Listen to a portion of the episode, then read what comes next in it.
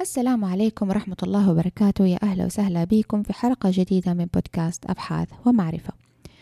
لما نيجي ننشر المقالات العلمية كثير ما تلقى اللجان بتهتم أو الإدارات في الجامعات بيهتموا إذا كان ال impact factor أو عامل التأثير للمجلة اللي تبي تنشر فيها عالي أو لا. لكن يا ترى هل فعلا عامل التأثير مهم؟ وهذا اللي هو لازم إحنا نقيم عليه المجلة عفوا البحث العلمي اللي أنت راح تنشره. إذا كنتم مهتمين تعرفوا بالموضوع ده أكتر فكملوا معاي الحلقة.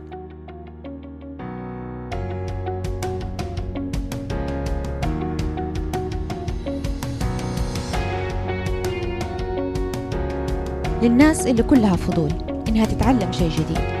الناس اللي حابة إنها تبحر وسط الصعاب عشان توصل للحقيقة إلا في الطريق ولأني زيكم أحب العلم وأستمتع بجلستي في كرسي الدراسة راح أهديكم البودكاست ده اللي يتضمن خلاصة تعريفية بالأبحاث العلمية. بودكاست علمي والأهم إنه باللغة العربية. يا أهلا وسهلا بكم في بودكاست أبحاث ومعرفة مع مشاعل ديوان.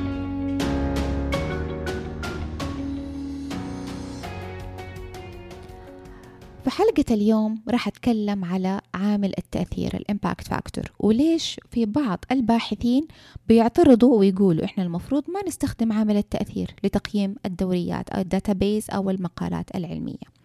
طبعا بعض اللجان تلجأ إلى معايير صعبة لما نجي ينشروا. وزي ما قلت لكم أول يهتموا في المجلات عفوا بالجامعات. إذا آه لاسم المجلة سمعة المؤلفين المؤسسة اللي أنت حتنشر فيها. وإذا كان فيها peer review ال peer review اللي هو أنت لما تبي تنشر مقال معين فلنفرض أنا عندي ال oncology وال nursing فحيجوا يعطوا لي مختصين مختصين بالمجال تبعي أنا. ويقرأوا ال article تبعي اللي أنا سلمته للبحث. وبعدها يجوا هم يعطوني ال feedback تقييمهم يا ترى هل يرفضوا هل يقبلوا لكن عندهم تعديلات لازم أنا أغيرها. وهذه طبعا خطوة جدا مهمة. أنا بالنسبة لي أعتبرها free consultation وتساعدك كثير أو تساعدك كثير إن هي تحسن المحتوى تبع ال article اللي أنتم حتنشروه طبعا ما هو من المستغرب إنه إحنا لما نجي نبى نقيم البحث إنه اللجان تهتم بمعدلات الاقتباس. و آه، بياخذوا معدلات الاقتباس من قاعدة بيانات اسمها ISI وهذه اللي بتسجل باستمرار عدد الاستشهادات العلمية. طبعا أنا بتكلم معاكم من أول عن عامل التأثير. لكن إيش هو عامل التأثير؟ هو عبارة عن إنه إحنا نبغى نعرف العدد المسجل من الاقتباسات في غضون سنة معينة آه، في المجلة هذه خلال فترة معينة من الزمن. طبعا بيدخل فيها عوامل كثير لكن هذه تقريبا باختصار. ومعدل الاقتباس هذا آه، اللي ممكن تسميه إحنا عامل التأثير بينحسب على أساس أنه متوسط معدل الاقتباس لجميع المقالات في المجلة هذه. في حاجة تانية اسمها Science Citation Index.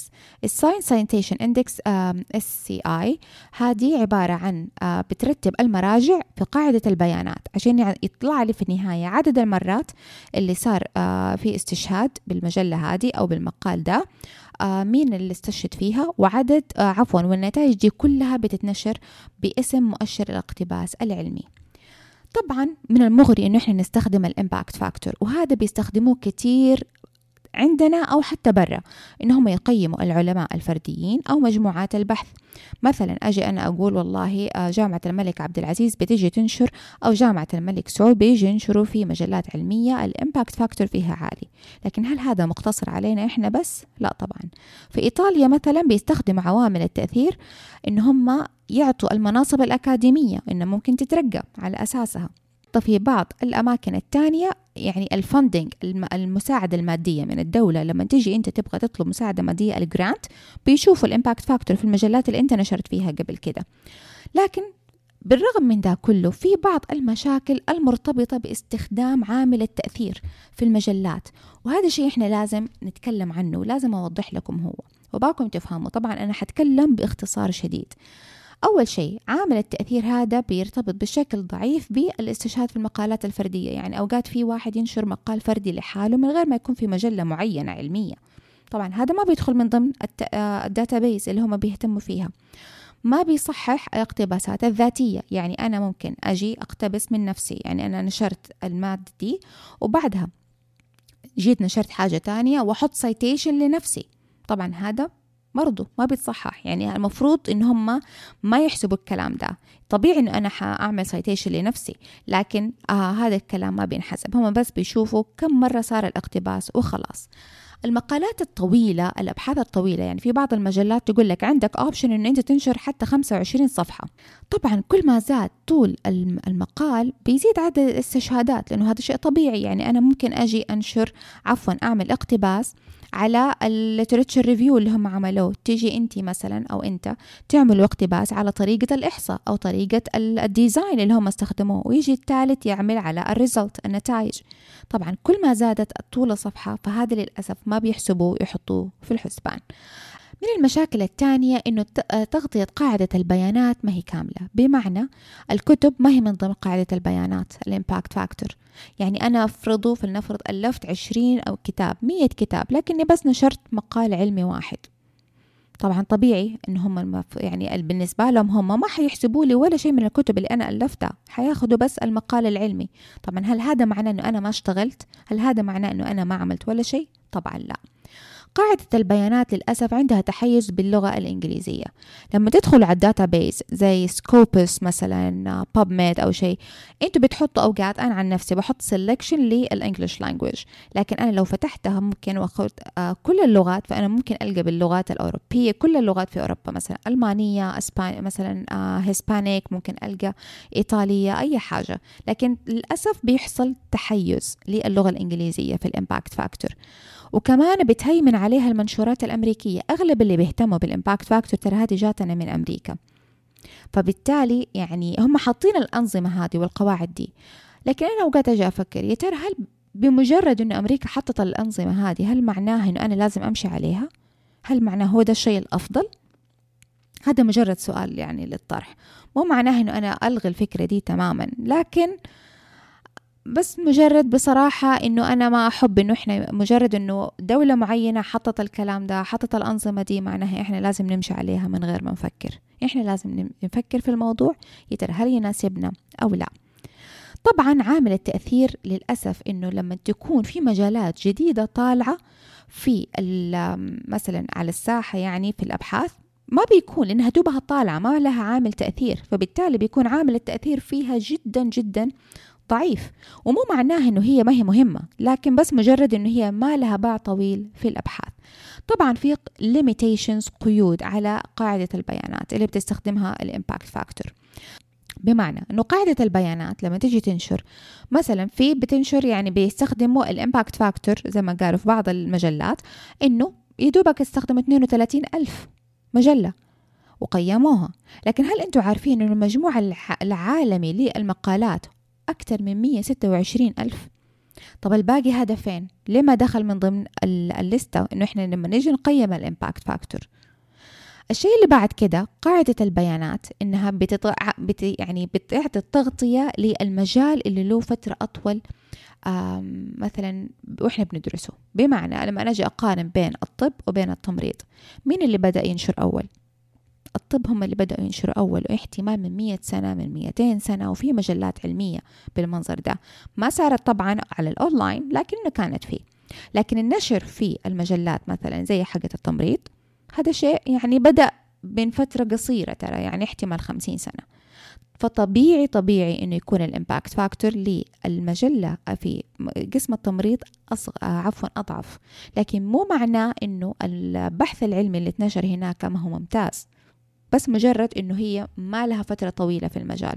ونفس الشيء على فكرة لو جيت أقارن بين الطب وبين الفيزياء الفيزياء طبعا احتمال يكون آه تواجدها على مجال الأبحاث أعلى عفوا عفوا أطول من الطب. فبالتالي حتاخد impact factor أعلى من اقسام تانية.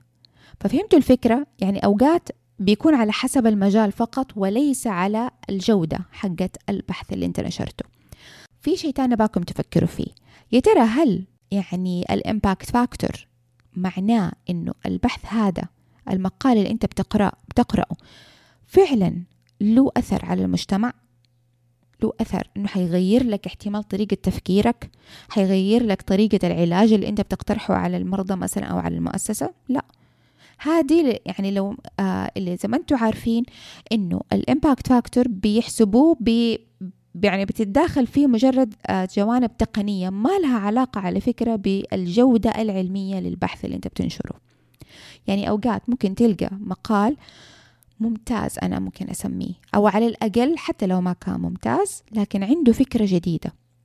لكنه منشور في مجلة علمية ال impact factor فيها اللي هو عامل التأثير فيها ما هو عالي. وهذا شيء ممكن تلقاه.